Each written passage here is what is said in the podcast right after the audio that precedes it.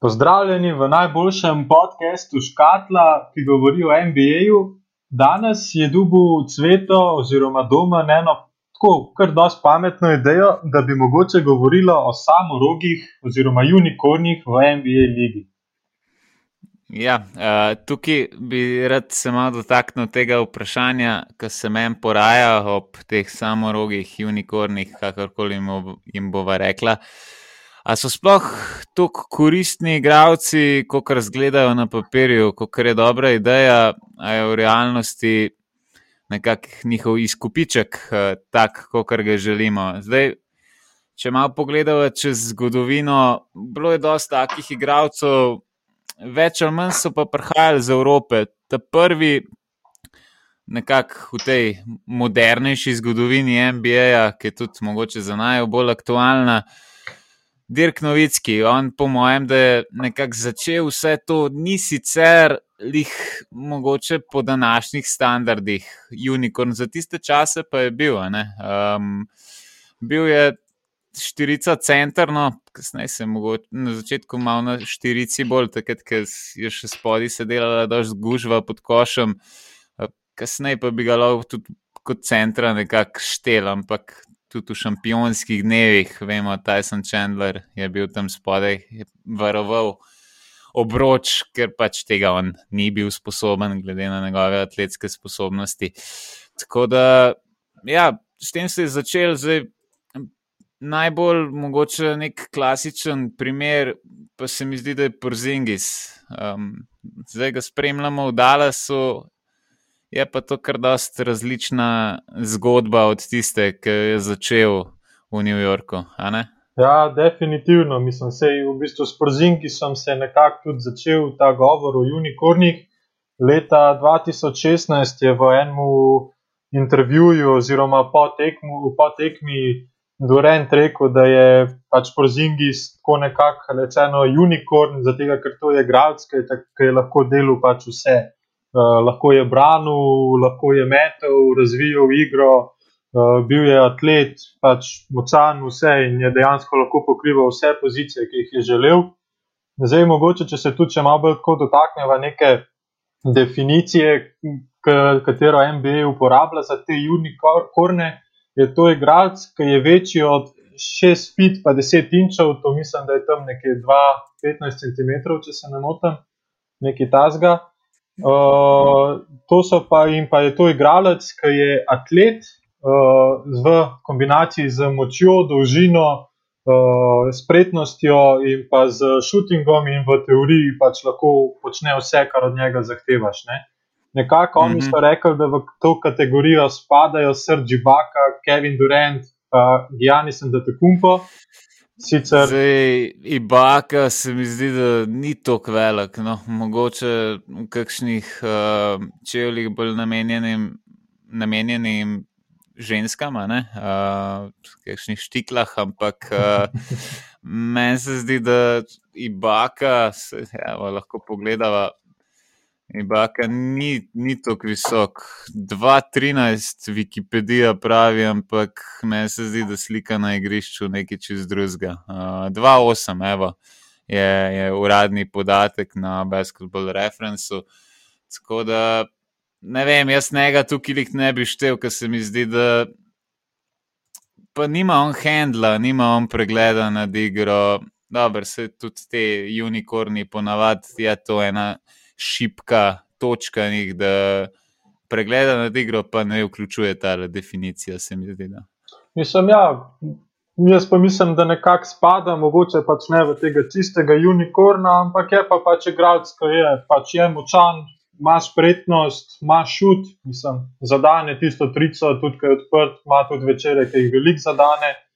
Niso pa taka pričakovanja, kot od drugih. Tako ja, to pa definitivno ne. Pač. Tukaj, tukaj si že omenil, najbolj ciljava nekako na Porzingisa, pa mogoče Lori Markanen, pa zdaj je ta Pokuševski, ki je v Oklahoma.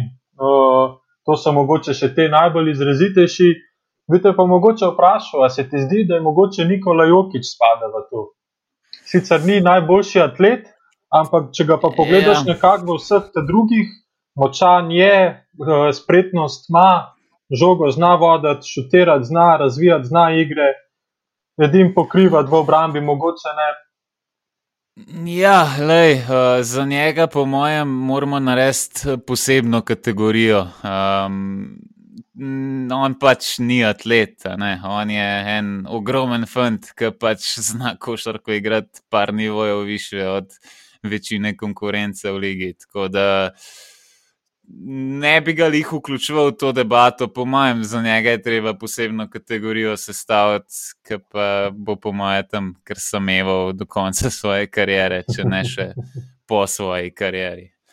Ja, uh, Meni men drugače osebno, sicer že vsi veste, verjetno, da sem navijač Lakersov, tukaj se mi zdi najbolj Anthony Davis.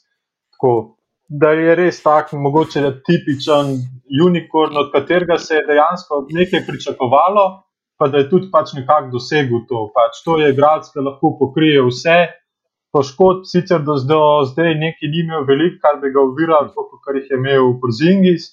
Uh, ampak, lej, Anthony Davis je odličen na te šuter, sicer trojki, ni najbolj konstanten na trojki, ampak, lej, uh, un midrange pa post-up se mi zdi, da zadane pač vse, kar vrže veliko skokov pobera, pobera v obrambi, pa tudi, če se mu da odigrati, pa če ga ne, ne daš gled proti kakšnemu imbidu, ki ga namoči v nič, se mi zdi, da zna pokriti pač vse pozicije. Ja, se tudi on nekako ne mara se tepsti v raketi, zato, zato tudi hoče vedno igrati skupaj s centrom, ne želi biti petka, čeprav bi mogoče ta vloga bolj ustrezala ekipi, um, ker pač bolj raztegneš igrišče, um, imaš njega kot centra lahko čisto dostojno pokrije, kogarkoli hoče, ampak je pa to seveda napora, ne, bolečina, spet so, fanti so močni v prvih večinah ekip. In ti pobere veliko energije, ki potem v napadu nimaš. Tako da zdaj, če, če ga moraš uporabiti kot eno od primarnih orožij v napadu, ga seveda šparaš v obrambi. In to, to lahko storiš samo tako, da ga postaviš na šterko, no, tako ga je malo težje napadati. Um, je pa res, da si omenil, da ni imel poškodb. Meni se zdi, da ima vseeno kar dosti zgodovine s poškodbami. No? Uh, v New Orleansu so ga tisto zadnjo sezono šparali, tako da na račun tega tudi ni, ni potem prišel v situacije, kjer bi se lahko poškodoval je pa že imel kar nekaj operacij. Um, lani, po mojem, je tudi malo rešila ta pokrajšana sezona, pa potem Babel, ko v bistvu, če bi gledali, se sezona razdelila na dva krajša dela. Tako da so imeli vse igravci neko konkretno pauzo vmes. Zdaj, letos pa spet poškodba, zdaj tudi zadnje novice niso najbolj vzpodbudne, menda se ga bo še kar nekaj časa čakal, da se vrne na igrišče. Vse vprašanje, ali se gre tukaj za load management, ali se gre za, za neko poškodbo, ki jo je težko odpraviti. Ja, jaz mislim, da je to bolj čakanje, da bo prišel potem v playoff, sveš. Ja, sam spet, moraš ga poigrati z ekipo. Uh, čist drugačen stil je, ko imaš ti Davisa, pa ko ga nimaš. Um, se veš, on, on zahteva žogo, tiste pol distance. Uh, uh, so nekako že kar patentirane ratale z njegove strani, uh, pa tudi, seveda, zna, zna na postu narediti svoje, uh, pick and roll igre, monituja. Tako da zelo, zelo koristen igralec, ampak se mi zdi, da zgodba, ki spremlja vse te igralce, je nekako ta evropska, da se vsi naučijo igrati oziroma se naučijo vseh teh košarkaških prvin.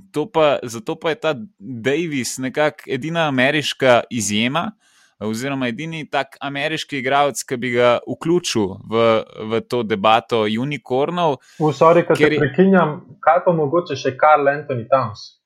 On je tudi. Towns, ja, ja, lahko bi ga, ampak zaenkrat. Hm, mogoče on ni, ni bil na, na pravem trgu, da bi se ga sploh tako opeval kot nekega unikorna. Um, oziroma, vedel se je, ko je prišel z koledža, da dobiš zelo solidnega igralca na postu, in predvsem na to je igral skozi svojo mlado kariero. Uh, je pa potem definitivno raztegnil to igro še na trojko, in danes bi ga lahko omenjali kot nekega unikorna. Uh, je res, uh, ampak tako, če gledamo za nazaj, zakaj ni nekih ameriških unikornov, sploh v zadnjem času. Predvsem zato, ker se hitro že nekako v Ameriki ve, kdo bo kaj igral, tudi konkurenca je ponavadi močnejša kot v Evropi, um, v mlajših kategorijah, sploh v teh močnejših AAU ekipah, ne, uh, pa high school ekipah. No. In tukaj ne, ne razvijajo teh uh, veščin, uh, ki bi bile nekako uh, primerne za druge položaje. Edino Davis, ne. On pa je imel to neko zelo hitro rast, celo življenje je v bistvu igral playa, potem pa se je potegnil in je bil posiljen zaradi višine na to štirico, petico. Mm. In zaradi tega tudi vidiš pri njemu malo širši repertoar kot mogoče pri. Preostalih igralcih, ki so prišli iz tega high school, college sistema v Ligo. Ja, vse strinjam, se je Davis pač res vrhunski igralec. No, zdaj pa če se mogoče še dotaknemo teme, o kateri v bistvu najbolj hočemo govoriti v tej epizodi, je pa ali so unikorni sploh ne pomembni, ampak ali jih je pametno sploh zbirati na dreftu, pa graditi ekipo okoli njega, ali se bodo zgodbe ponavljale tako nekako, kot se je naprimer Prozingisu. Vsi vemo, da od Prozingisa so v New Yorku pričakovali ne vem kakšne uh, te prihodnosti, pa ne vem, kaj še vse, pa je bila potem tista poškodba, pa dvoletna odsotnost, pa zdaj potem trade v Dallas. Ja. Ja, tudi, tudi veliko je bilo nepotrpežljivosti strani ja. vodstva New Yorka, pa potem nekih nestrinjanj. Takrat je bil tudi Phil Jackson, trener. Vel, velike težave so imeli, no, tudi dolana, v bistvu vsi na kolenih molijo, naj že prodaja ekipo, ampak to se verjetno ne bo nikoli zgodilo. Ja, ne vem, jaz, če sem GM, zelo bi me mikal, uh, ker potencial je ogromen. Ampak, če gledamo malo glede preteklih izkušenj, ne, te gradci se hitro poškodujejo in ne vrnejo se enaki. Uh, Porzingi, mhm. sveva, ni več, ni več nek atlet. Ja, tudi um, ni več to, kar smo pričakovali od njega. Ja. Ta lateralna gibanja, so zelo slaba postala. No, mhm. Meni se je že večkrat. Povej, da ne govoriva samo o Porzingisu, tudi Lari Markanen, ki je bil tudi nekako podobno Porzingisu. Je, je pa res, da on še vedno mi deluje bolj atletski, mogoče ni dubu tega straha, kot ga mogoče Porzingis ima za neko novo poškodbo, ker vse ni dal samo ene hujše poškodbe čez. No. Uh, mogoče zaradi tega tudi še vedno vidiš tudi kakšen, kakšno zabijanje, dobro, vse s prozingisove strani tudi, ampak uh, je tisto. Niso posterali. No. Ja, uh, zanč vem, da je bil Markan eno eni taki lepi akciji, no, ki je na poster vrgo enega igralca. Uh, sicer ne vem točno koga, ampak uh, vem, da sem to zasledil. No, sam še to bi rad omenil, kaj pa poster Riser od Karla Antoni Tansa čez Envida. Ja.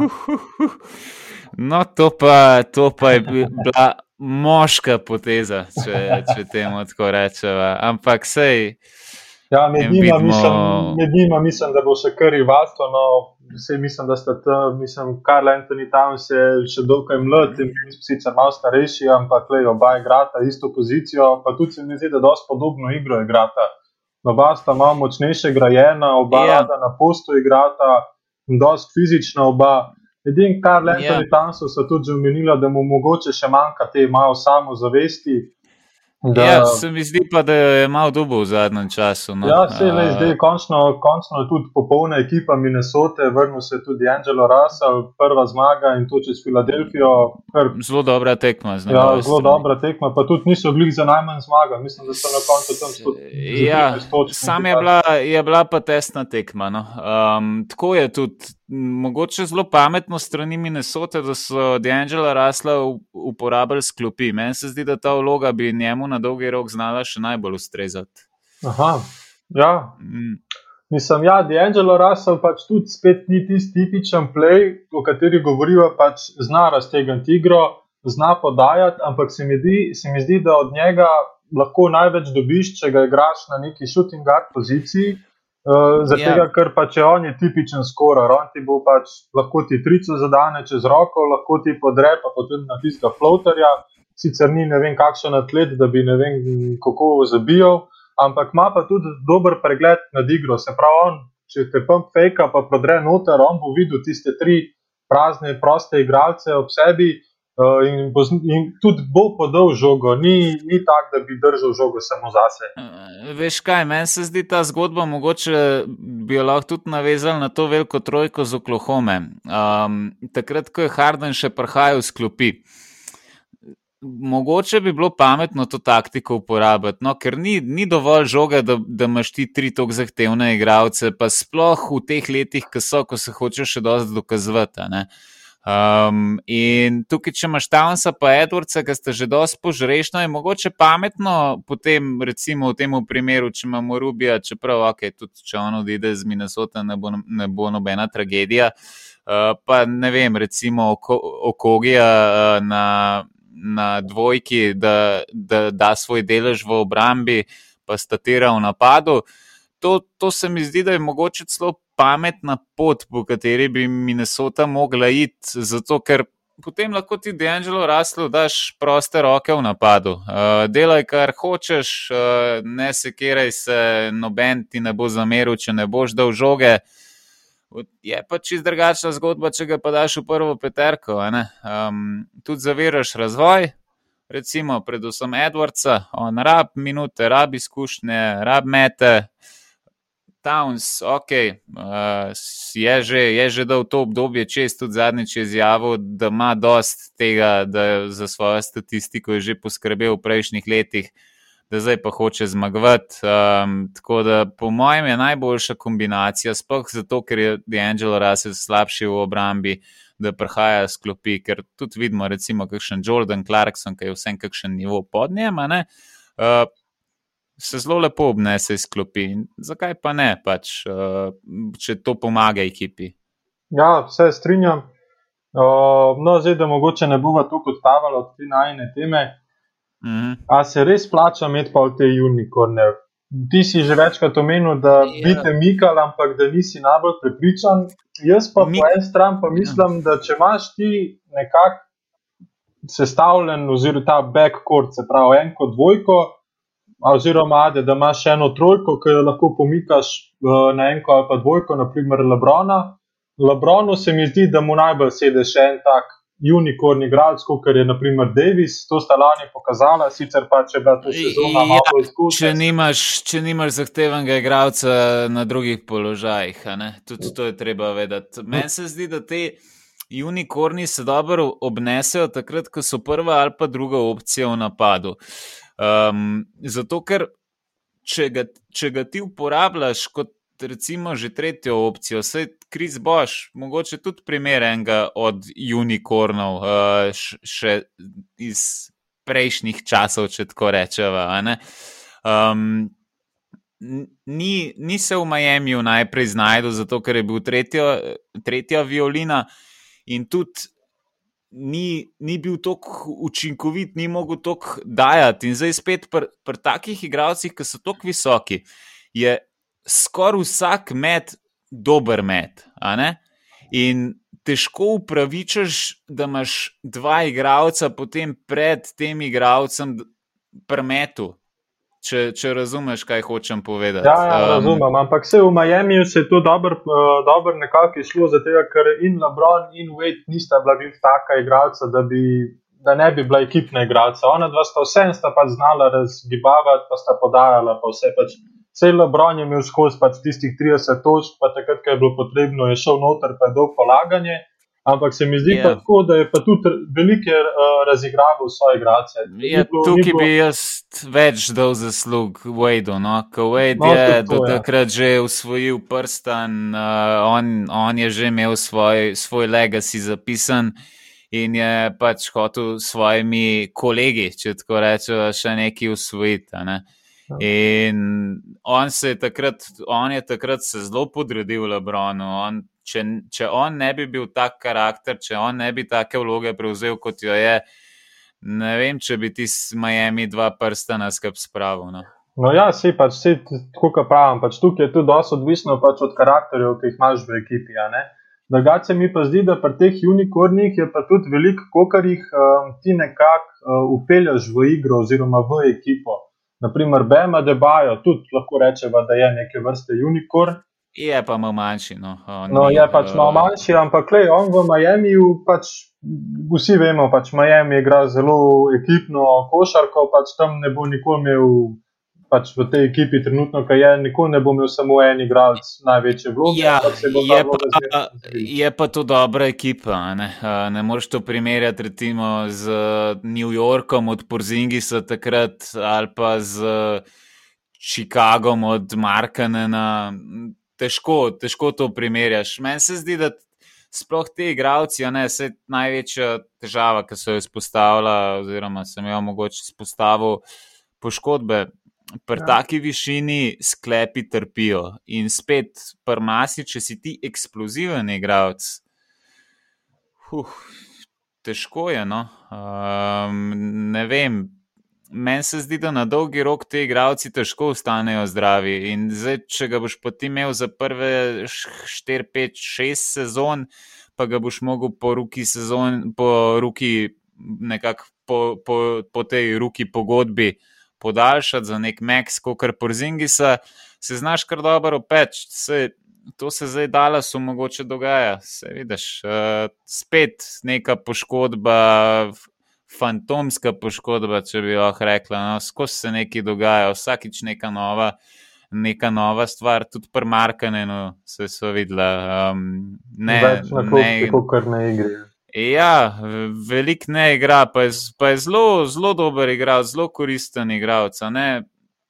ne vem, no, meni se zdi, da je mogoče fajn imeti kakšne malenko slabše igralce ali pa dosta slabše igralce, pa da na njih lahko računaš celo sezono, pa krepiti ta talent na recimo teh na enki, dvojki, pa trojki, kjer so igralci, ki so tudi tradicionalno ponavadi bolj zdravi uh, in manj podvrženi poškodbam, kot te, te težko kategorniki, če tako rečemo. No. Mislim, ja, ampak se mi pa tudi nekako po eni strani pa zdi, da v bistvu vse te ekipe, ki so mogoče. Ki so, nekako zmagajo ligo, se pravi, da osvojijo ta pokal, pač imajo nekega unikorna, no, pač čisto povedano. Vem, Golden State, na primer, je imel Durenta, uh, Lakersi, zdaj so imeli Anthony Davisa, Dallas, ki je usvojil, so imeli Novickija, ki je Miami osvajal, so imeli Krisa Boša, pa, pa Lebrona, da bo to sta pač spet dva različna pojma. Ampak, tako mislim. Yeah. Pač unikorni se mi zdi, da ekipi pač zelo veliko dajo. Uf, veš, na koga so še pozabili, na Kevin Garneta sicer spet ni čist tipičen unikorn, ampak tudi on. Ta je, eni, ta je bil pa en prvih, uh, ki je lahko na šterki delal, kot je delal. Samo je, je bila še takrat igra tako bazirana na igro spodaj, da sploh ni mogel pokazati tega, kar je sposoben, se mi zdi. Da. No, vse to, ampak vidiš, ko, če pogledaš v zadnjih 20 letih, skoraj vsaka ekipa, oziroma večina ekip, ki je osvojila naslov, je imela enega tazga igralca na štirici ki je pač lahko pokrivala vse. Pač, okay, če jo vzamemo, mogoče Lakers, ki so imeli šeka, pa Kobija, pa pač mogoče še kakšno tako ekipo, ampak drugače pa le. Se mi zdi, da pač rabiš enega tazga versatilnega igralca, visokega, ki lahko meče, meče iz razdalje in pokriva skoraj da vse pozicije, hkrati je pa še tak atlet, da ti pobira vse skoke.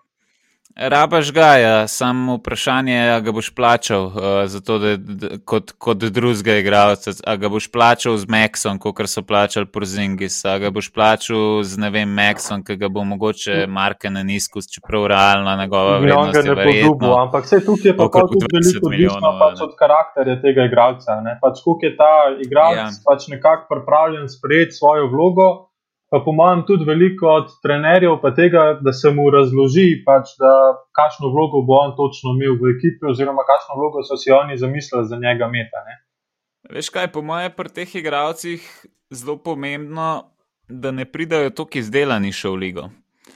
Zato, ker lahko postopoma stopnjujejo svoje minute, svoje obremenitve. Zdaj, če, če, bi, če bi v ta šmoren noter umešala Gijanisa, ne, uh, Veva, on ni prišel zvezda v to ligo. Uh, on je delal, počasi prihajal do minut, do priložnosti, tako naprej, počasi se je ta obremenitev stopnjevala. Ja, ampak se tudi on je prišel kot trlce v ligo, on je bil zelo suh, pa, pa potem ja, je no, na maski, sej, pa na vsem tem. ja. Ampak, če, če ti prideš že kot nek um, napovedani odrešitelj franšize, imaš ti že od začetka zelo veliko obremenitev na svoje telo?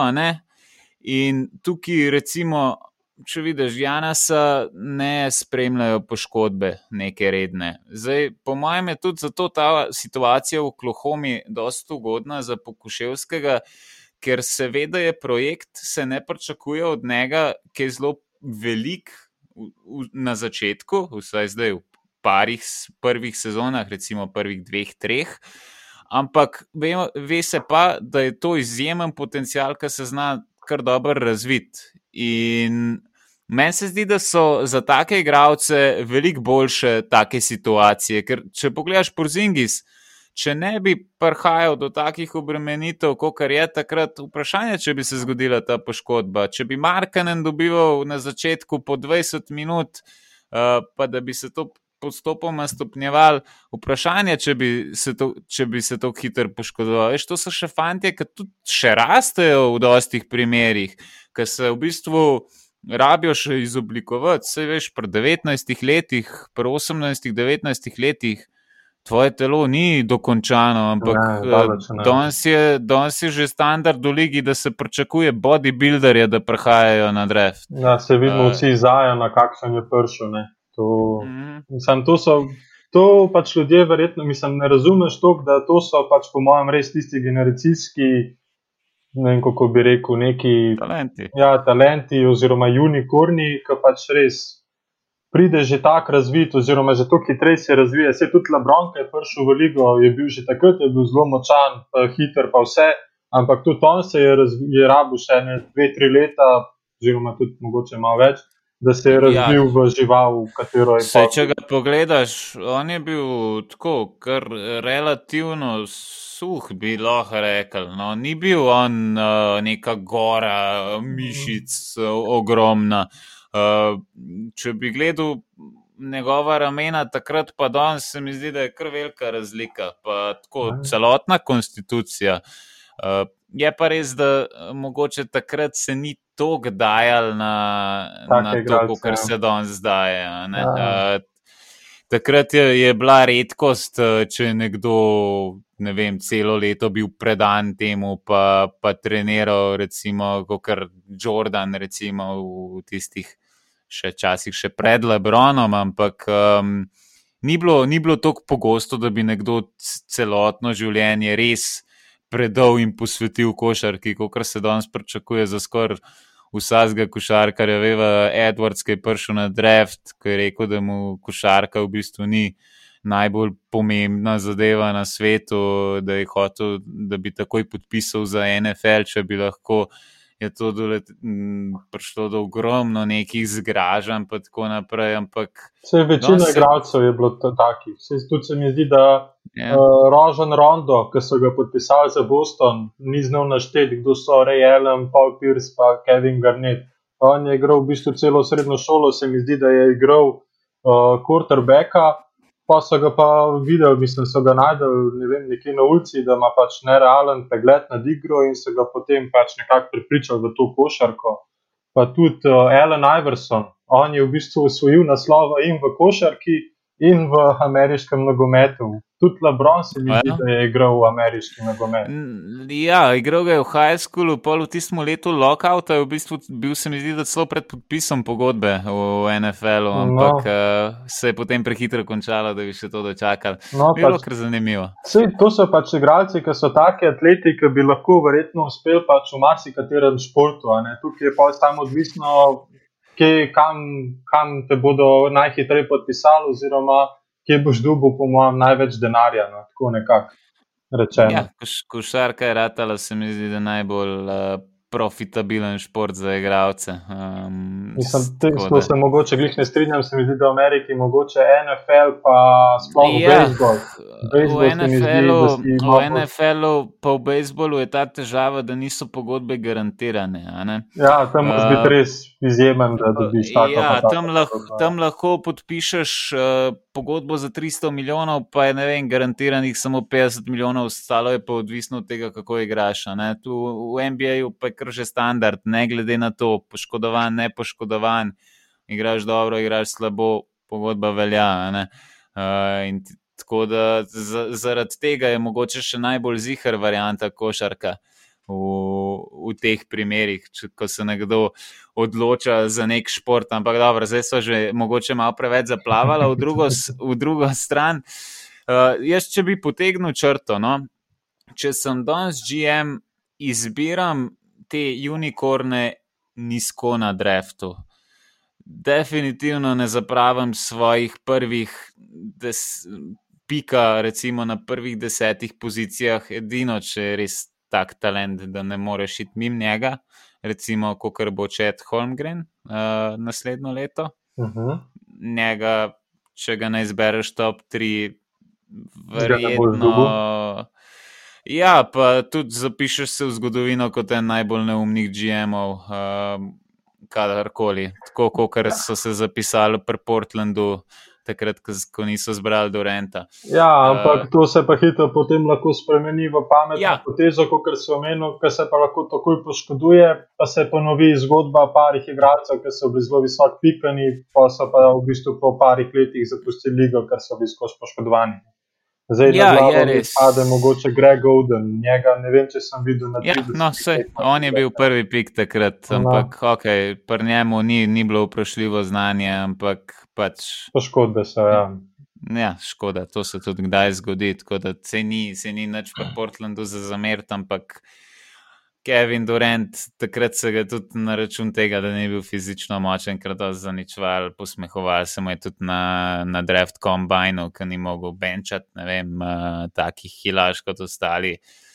Ampak uh, zgleda pa niso videli, da ni vse samo v tem, koliko lahko benčaš, ampak uh, predvsem koliko žog lahko spravaš v koš. Tukaj, uh, tukaj si je Sam Presti pač spet pokazal, zakaj je najboljši GM, verjetno v ligi. Um, tako da, ja, ne vem, meni se zdi, če, če bi. Ne bi, ne, bi, ne bi več to riskiral, kot so drugi včasih, ker na dolgi rok je težko te igralce ohraniti zdrave. Uh, čeprav jih rabaš v ekipi, oziroma so tak uh, zelo vreden luksus, uh, zelo dobrodošel luksus, ali mogoče celo potreben luksus. Za osvajanje prstane. Ja. Ja, No, tukaj, se, ampak- tukaj, tukaj mene, mene to. Jaz, če bi bil, jaz bi jih pa kar pikal, no? Ampak bi jih pa po takim pogojem, kot si že ti omenil, uh, da ga ne bi v bistvu pikal kot nekega odrešitelja, oziroma da bi mu dal takoj vlogo, pač le ti imaš zdaj to ekipo. projekt. Tako, projekt, da mu daš par let, da se on razvije, da dobi to moč v nogah, v rokah, da se mu telo dokončno razvije, uh, pa tudi da mu nekako. Da ga naučiš, kakšna bo njegova vloga v ekipi. To se mi zdi nekako res najbolj pomemben na segment košarke, da se igralcu razloži, kakšna bo njegova vloga v ekipi. Ne vem, v, mogoče če se so tudi pozabila, Tim Duncan, sicer spet ne, ne glih tako visok Ja. unikorn, ampak tudi on je bil igralec, ki je v bistvu lahko delal vse. On je bil tudi, meni se zdi, da je eden prvih igralcev, ki je imel četvorni dvojček z blokadami, točkami, skoki, pa asistencami, če se ne motim. Uh, ampak lej, tam, bila, tam so bile vloge pač lepo razdeljene. Tony Parker, Manu Ginobili, uh, Tim Duncan, pa potem kasneje je prišel še Kawaii, ampak tam je bilo vse. Pod Popovičem si točno vedel, ko prideš na igrišče, kaj moraš narediti, kako moraš odigrati. Pa so igrali v bistvu čist na osnov, osnovah košarke, pick and rolli, post-movie, borba, skoki in to je to. In so pač oni so tudi veliko, pr- mislim, osvojili so dva ali tri prstane in lej. Tista, tista ekipa, Ginobili, Parker, Duncan, pa Kawaii, se mi zdi, da, bo, da se bo definitivno zapisala v zgodovino kot ena. Ja, je pa res, da takrat uh, je, recimo, predvsem Žirnobil, pa tudi Parker, no, sta padla tako nizko na drevesu na račun tega, da takrat še ni bilo. Tako kot danes, niso bili vsi posnetki, pa vsi podatki tako dostopni, tudi niso skavti imeli toliko predstavo o tem, kakšni igralci se nahajajo v Evropi. Tako da takrat je imel pač San Antonijo najboljši skavting po celi Evropi in je pobiral take igralce praktično za ston, na, na koncu pa dobil Hall of Fame igralca ven. Uh, tako da, ja, je res, moraš, moraš imeti. Moraš imeti igralce, ki jim dodeliš vloge, uh, morajo jih tudi oni sprejeti. Tako da meni se zdi, da je tudi veliko pogojen s tem, uh, kaj zbiraš, tudi s karakterjem. Um, ne smeš imeti samih, uh, dobro, vse to, vsi košarkari so več ali manj neke alfe, če bi tako gledali ampak morajo biti, uh, če so že alfe, take alfe, ki se znajo podrediti svojim vodjem, no, uh, oziroma razumejo, zakaj se gre pri ekipnem športu, kot je košarka. Mislim, ja, pa sej, pa tudi, morajo tudi verjetno razumeti, da pač tudi ta ekipni šport, da je košarka, uh, vse se na koncu koncev vrti okoli denarja. Ti boš najbolj vreden ekipi, oziroma nekemu klubu, neki skupnosti, takrat, ko jim boš naredil največ denarja. Vse takrat te bodo oni največ oglašvali, pa te bodo najbolj kovali v zvezde. Vse to se mi zdi, da se zdaj z Dončičem naprimer, najbolj dogaja. Sicer noč prek njega pač prikazuje odlično igro, ampak v njega se mi zdi, da je dala stok vrhu v oglaševanje in pa vse da ga tako promovirajo. Pa ne samo Dallas, Liga je, po mojem, zaznala neko tržno nišo. Ne? V Evropi, načeloma NBA, ni bil ne vem koliko popularen skozi zgodovino, vsaj razen za te ljubitelje, kot se mogoče lahko tudi mi dva štejeva tukaj. Ampak neki širši javnosti, NBA, predvsem tudi zaradi časovne razlike, nikoli ni bil.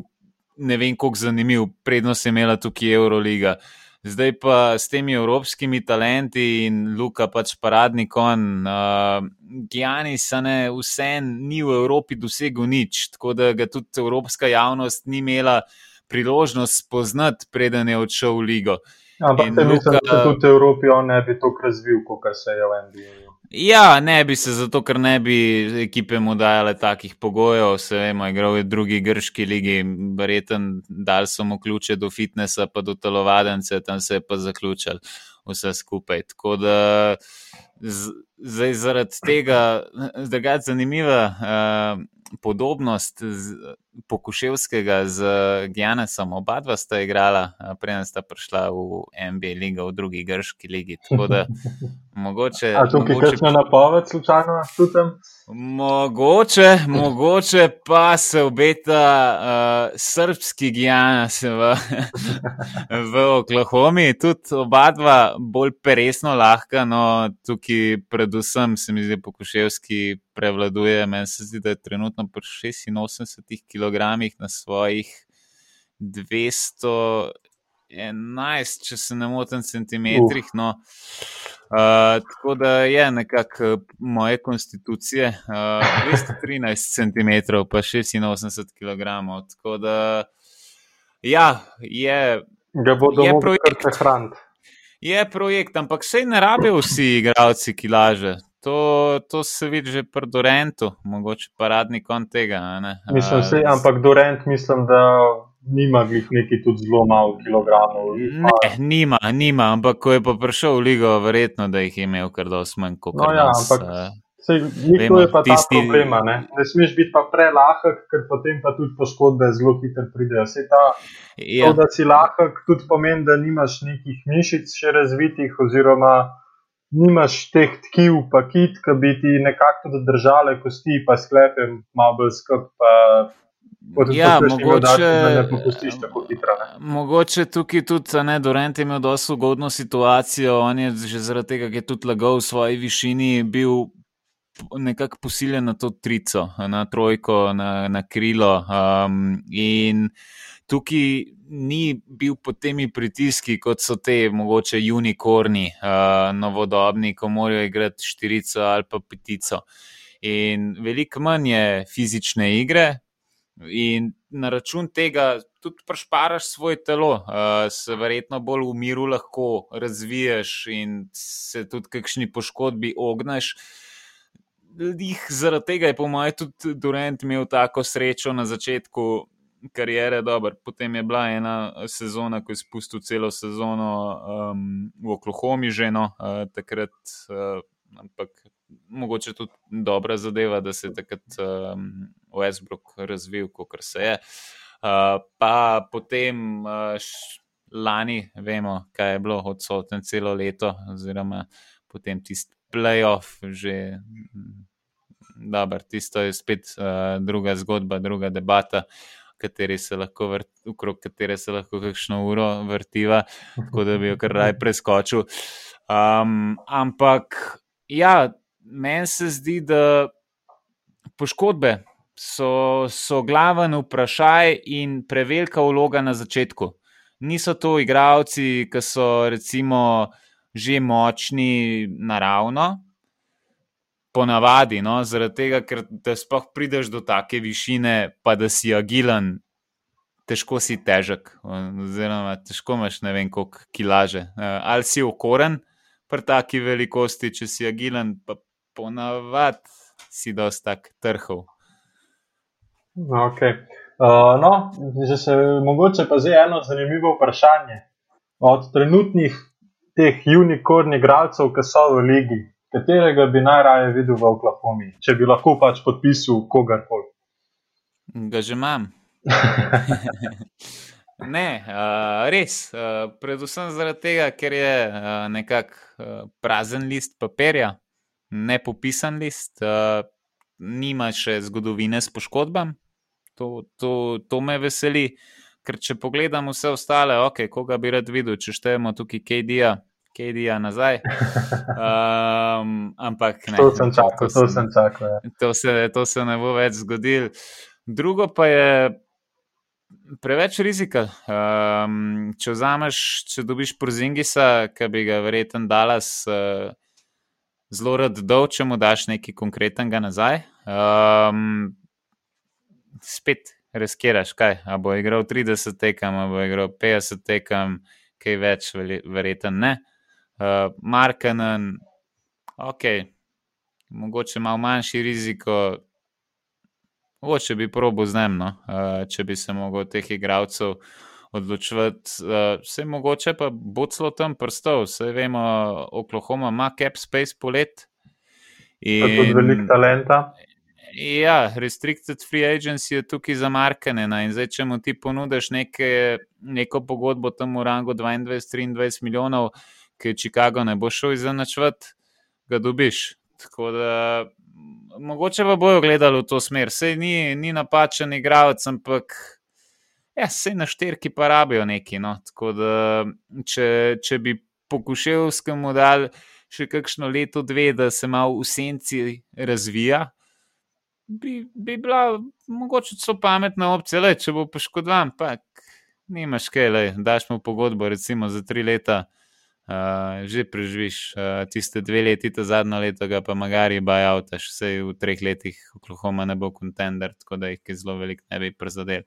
Edin mogoče pač lastnike, ker bi mogli vse to skupaj financirati. ja, definitivno. No, ja, mislim, jaz sem pričakoval, da bi zjih rekel, da bi imel kakšnega Jokiča ali pa Karl Anthony Tamsa. Ampak, ja.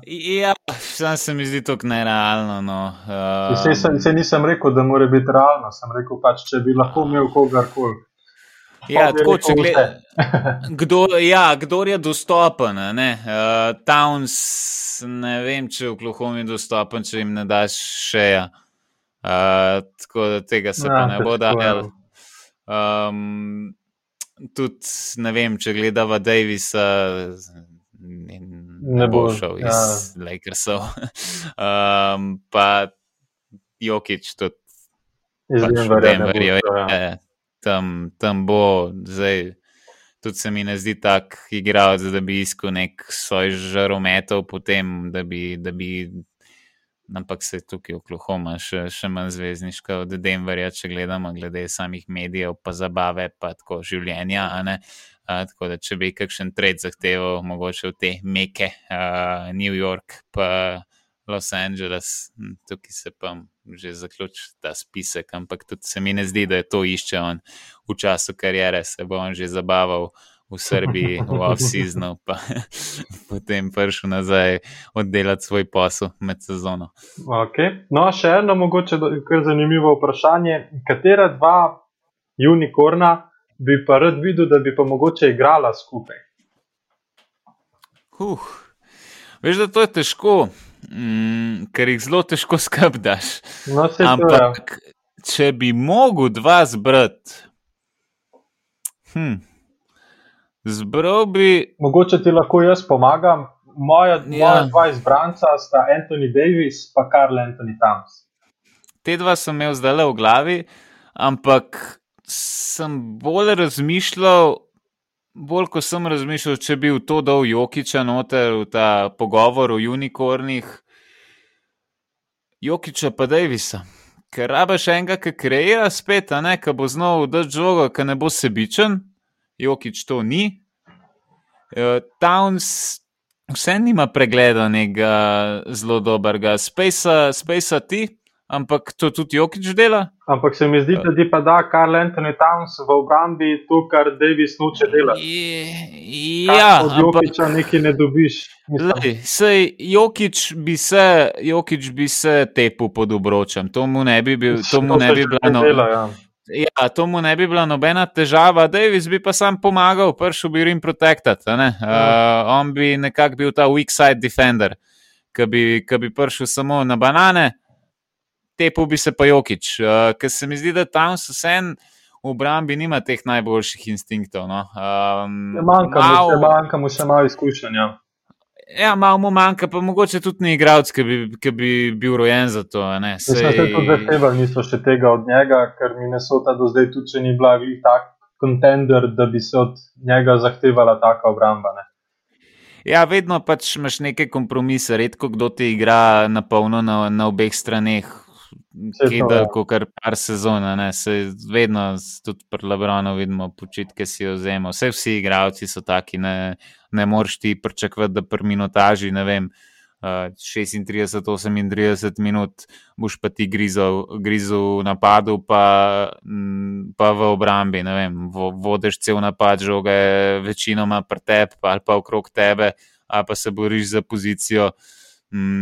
Težko. Uh, tež, Veliko težko energije izgubiš na ta račun. Ja. Ja, pač niso to roboti, to, to vse fanti se zmatrajo, ne glede na to, kako dobri kondiciji so. Pa zdaj, recimo, Jokič, m, težko štenga med te, ki je v zelo dobri kondiciji. Mislim, on je od lani izgubil kar nekaj kilogramov. No.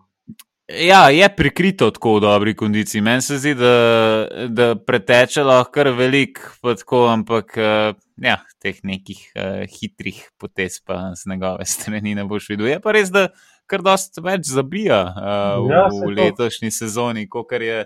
Kar je v prejšnjih. Tako da sem, sem kar vesel, da te centimetre pa kdaj izkoristim, da se malo znese nad obročem. Ja, le se strinjam. No, se mislim, da sta zdaj nekako obdelala to, kar so želela, glede teh unikornov. Zdaj pa če se nekako lotva teh, tega pregleda, kaj se je dogajalo v zadnjih dneh, pa če boš kar malo prevzel. No, brez problema, zdaj tekma, ki mi je najbolj ostala v spominu, se bova kar nazaj pomikala. Ja, sinoči, uh, Jutah proti Dallasu. Mm, si pogledal tekmo, si, si pospremil kakšne highlighte, si videl, kaj se Uh, ja, dogaja. tekme nisem gledal, sem pa pogledal highlighte. Ja, so imeli v bistvu dost, kako bi rekel, nerealen šut za tri. Če bi imeli tak procent skozi celo sezono, bi bilo kar zanimivo. Ja, ampak bi bilo to za- šlit, ja. Bi bilo to za kakšno knjigo rekordov, no, ampak uh, sem jaz gledal tekmo, ti lahko povem, da je dala skrb puščal odprta vrata Jutahu, pa skoraj celo tekmo. Ali pa da je v bistvu Jutah dopuščal Dallasu, da je, da je celo tekmo vodil. Uh, Mitchell, ja, mogoče pa je res to, kar je rekel Šek. Nisi superstar. Ja. Mm, In tako, kot je on igral z nekimi posiljenimi, neizdelanimi meti, Ja, tako ne bo šlo. Ne? Uh, sploh, če ni tvoj večer. Zdaj, ja, ostali... Mislim, da so se tudi dotaknili v začetku najnega podcasta, ko so nekako opisovali vse ekipe.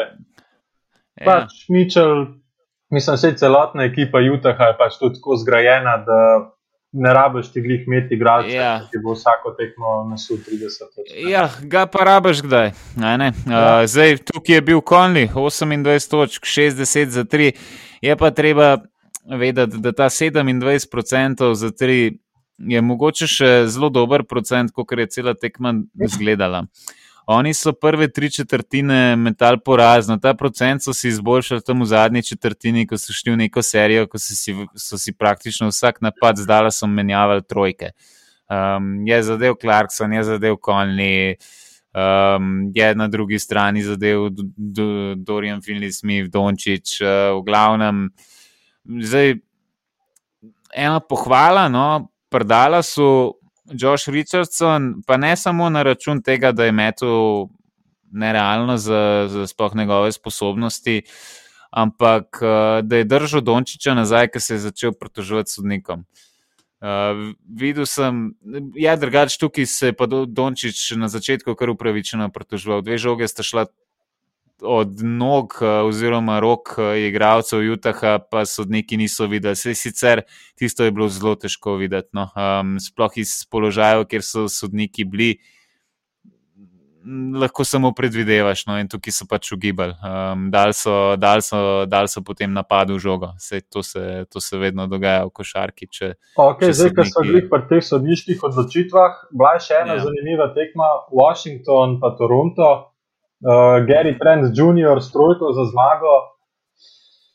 A je bil tisto je. favel v napadu? Flop.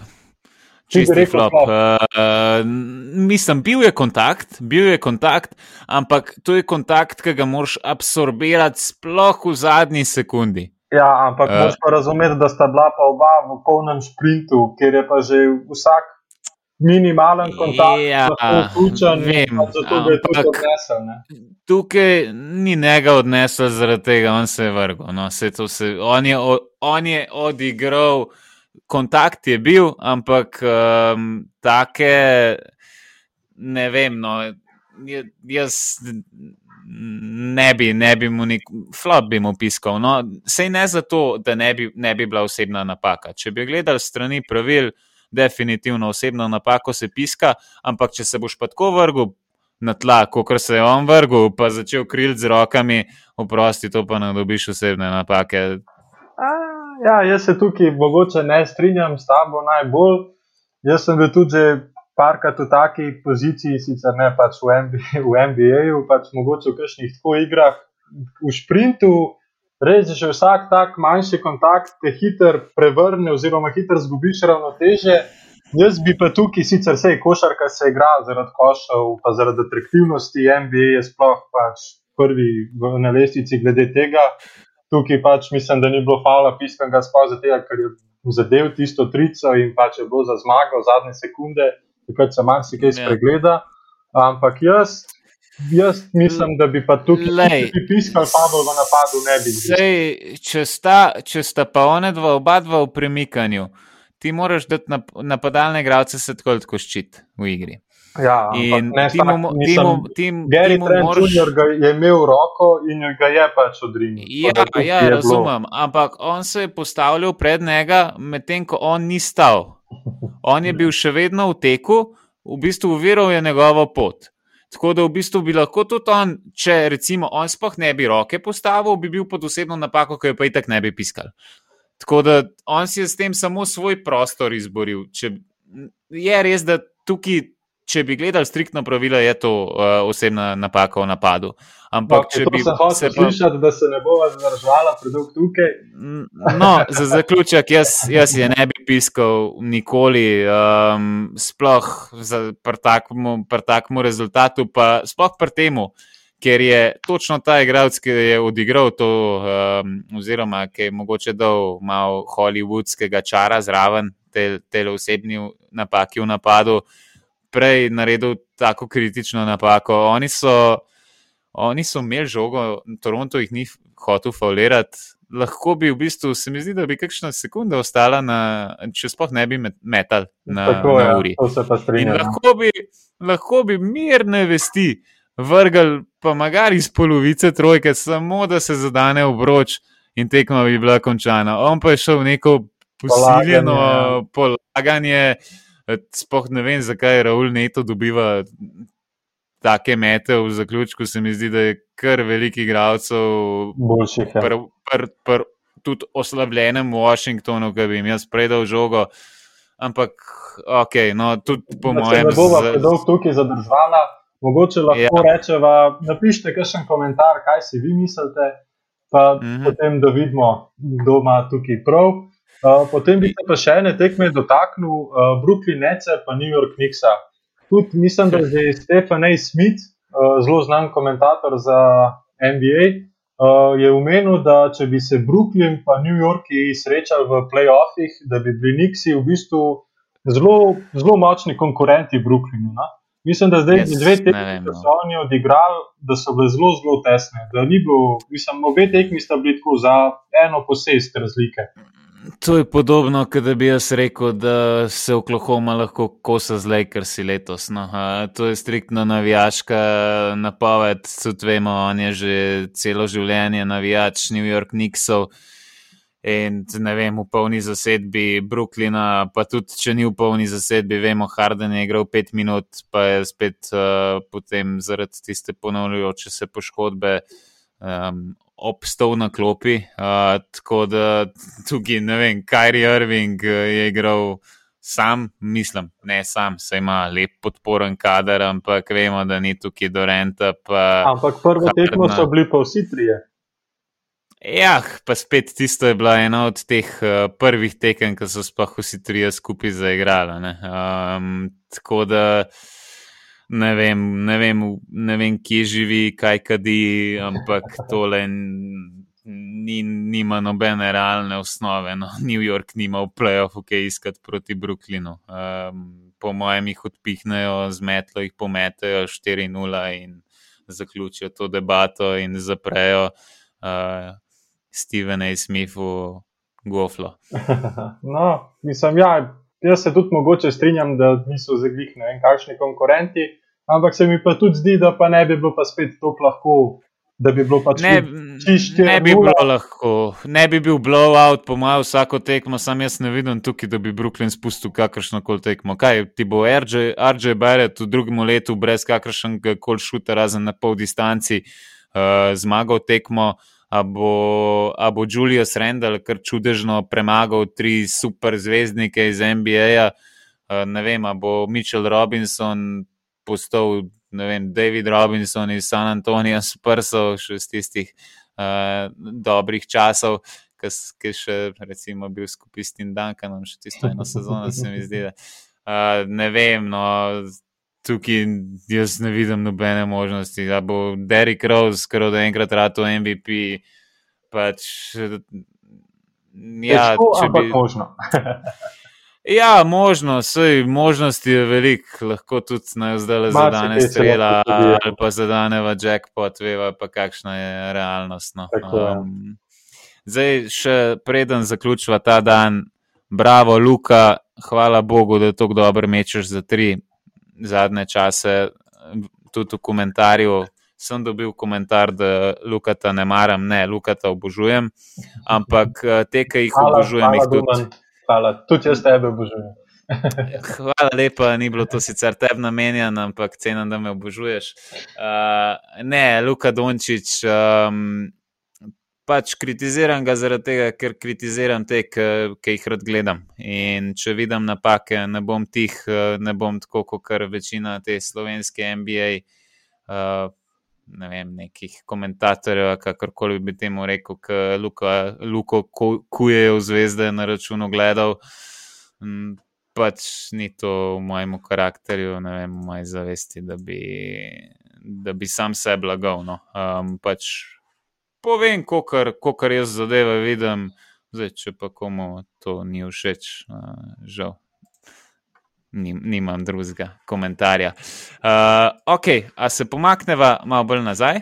Lahko. Ok. Greva en dan nazaj. Uh, torej, uh, nismo še omenili drugače NCA lige, uh, si slučajno pospremil. Ja, Baylor je zmagal, mislim, da je kar gladko. Gonzaga. Ja, pa presenetljivo. Gonzaga je v bistvu nekako na poti do perfektne sezone. Ja, oni so bili brez poraza, ampak Baylor se mi zdi pa, da je že tako vodil sezono v procentu za trojke in tudi tukaj mislim, da jih je tu dosti rešval. Pač. Ne, odigrali so v obrambi napadu, perfektno. Super, no, pač. Eh, lepa, tekma za, lepa tekma strani Belarja za pogled, no, strani no. Zagreb. Tako, tako.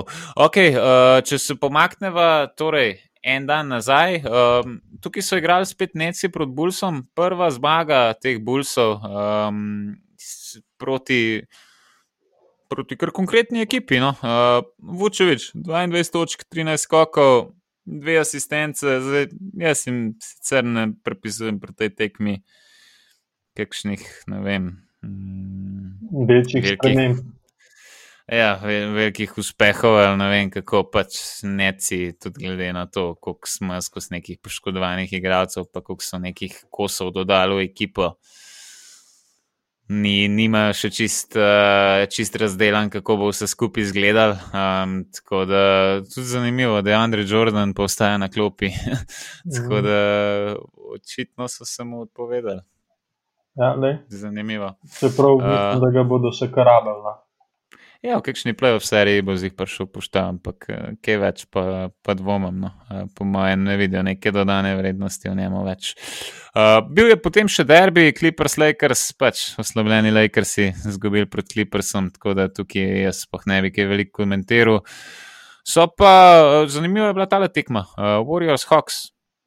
117-111 za Hawkse, kar je igral, spektakularno, 37 točk, ampak bilo je premalo. Um, zdaj, pri Atlanti pa ja, Galinari, spet za eno izjemno predstavo. Sicer, predvsem, vse točke so večinoma prišle iz eh, črte prostih metov. 15 prostih metov je imel, zadev je 13, 25 točk, vse skupaj. Pa Klint Kapela, pač, uh, to je ta luknja, ki jo ima. Golden State z Rukijem spodaj, ja. mm, z Weizmanom. Pač, dobro, se je Klint Kapela, je po mojem bolj, domin, bolj dominantnih centrov v pick and rollu. No. Uh, mm. Tuk je skočen, tuk je močen, uh, sicer brez kakšnih velikih uh, znanj na postu, ampak je pa. Osnove so dovolj. Ja, meni je, meni je tako žal, da je takrat Houston praktično zastonil v Atlanto, meni ni bilo jasno, kaj se to dogaja. Ampak Ok, on ima tudi zelo, zelo ugodno pogodbo. No. Um, tako, od, eden redkih igralcev, ki po mojem ni, ni bil preplačen v zadnjih letih. No. Uh -huh. uh, tako da, ja, fajn, pa sploh glede na to, da je še vedno Atlanta uslabljena. Uh, vemo, igrajo brez, uh, brez Kem Rediša, brez Deandre Hunterja, ki je v bistvu njihov drugi igralec, če bi tako gledali. Je pa Lou Williams tudi dobro odigral, no. tudi to je treba poudariti. Sicer met iz igre je dosti slab, za tri je zgledal dobro, dva za tri, ampak pet od petnajstih metov. To je, to ne vem, no, ni jih na njegovem nivoju. Ampak je pa, po mojem, ena prednost, ki pa še nismo omenili pri tem Lou Williamsu, da je v Atlanti. Ne rabijo več spremenjati stila igre, ker ni trajanga noter, če ga on nadomesti. Ja, v bistvu res je. Ja.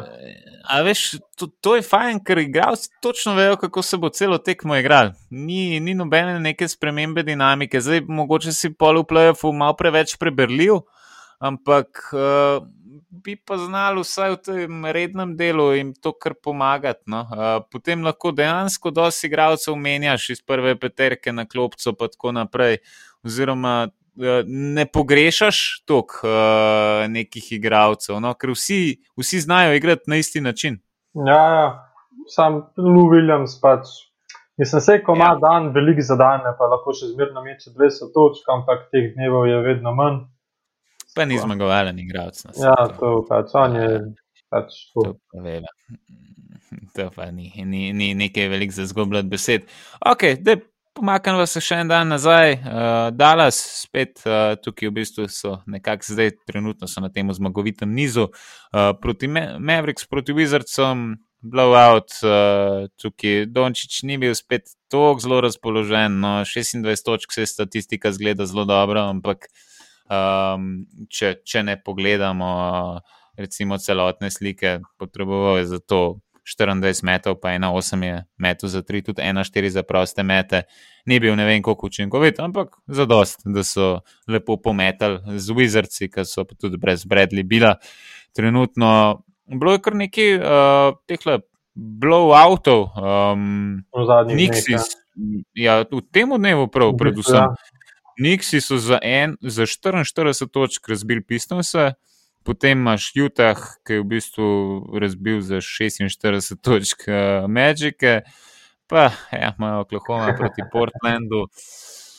Tudi za 48 točk. Eh, je bila pa tale zanimiva, Bucks in Kingsi. Mm, tukaj je pa Drew Holiday upravil izjemno delo, pa Terence Davis, kot sem ti rekel, ni on uh, slab, ki so ga dobili za second round pick iz uh, Toronta.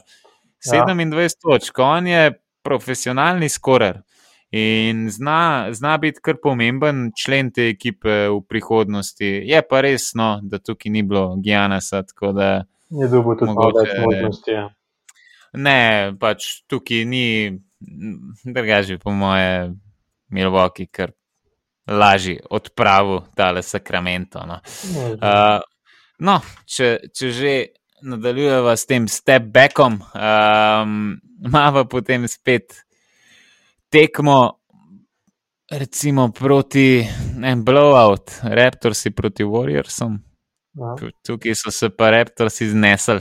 Mm. Uh, to je recimo nora tretja četrtina, 14 proti 46.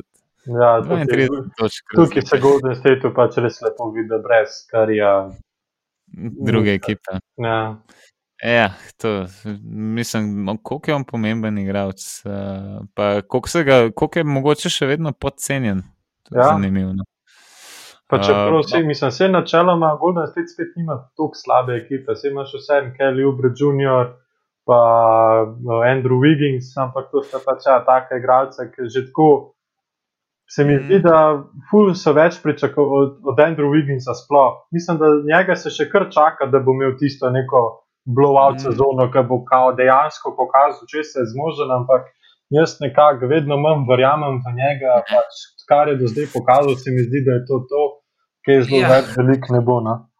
V teh letih bo prej imel kakšen blowout kolena, kot pa kakšno blowout ali breakout, kako koli temu rečemo, ja. sezono. Um, zdaj, še ena tekma je bila derbi večera. No? To tekmo sem jaz zelo čakal, pa sem bil mogoče celo na koncu malo razočaran.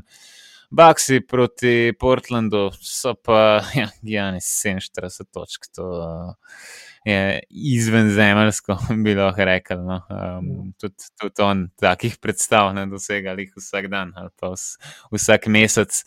Um, prva četrtina, predvsem kritična, no. 13 točk razlike in tukaj je bilo to vodstvo, pa potem v tretji četrtini tudi uh, 17 točk. Vse skupaj je postalo neulovljivo, ne nezanimivo, in da jim dola, je pa tukaj z 32, dol svoj delež, je pa čakal ostale kolege, da se mu tukaj pridružijo. Ja, sej, uh, a greva še kaj nazaj, bi, bi mogoče še tole tekmo en dan prej, Nuggets, Clippers.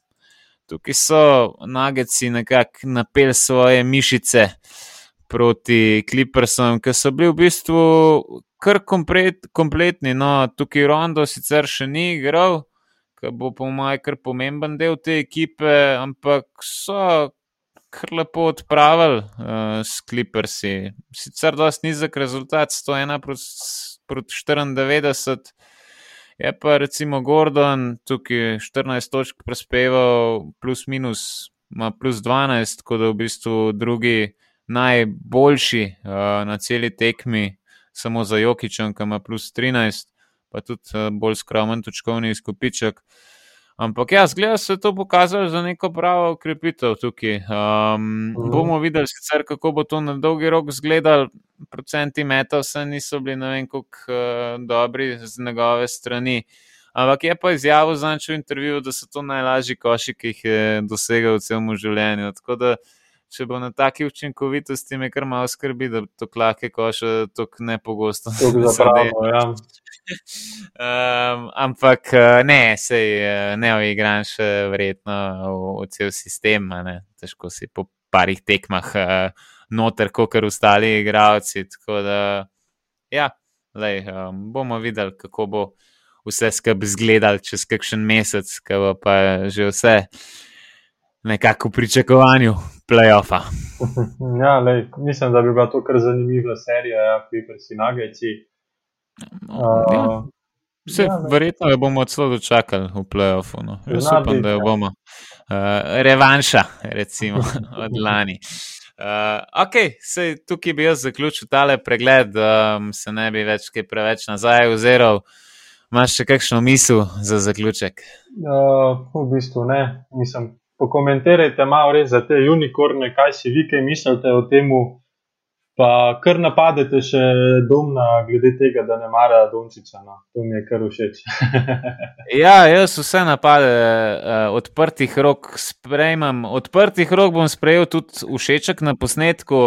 Dajmo proba do ene številke deset pridati. Uh, to, bi, to bi bila ena taka lepa okrogla številka, ki zaenkrat še nismo uspeli dobiti, vzame kakšno sekundo. Seveda pa naročite se na kanal, uh, kakšno ceno na Apple podcastu, puste ali pa na drugih platformah, če nas tam poslušate, oziroma naj v tem poslušate. Pa eh, se vidimo naslednjič v soboto, oziroma slišmo.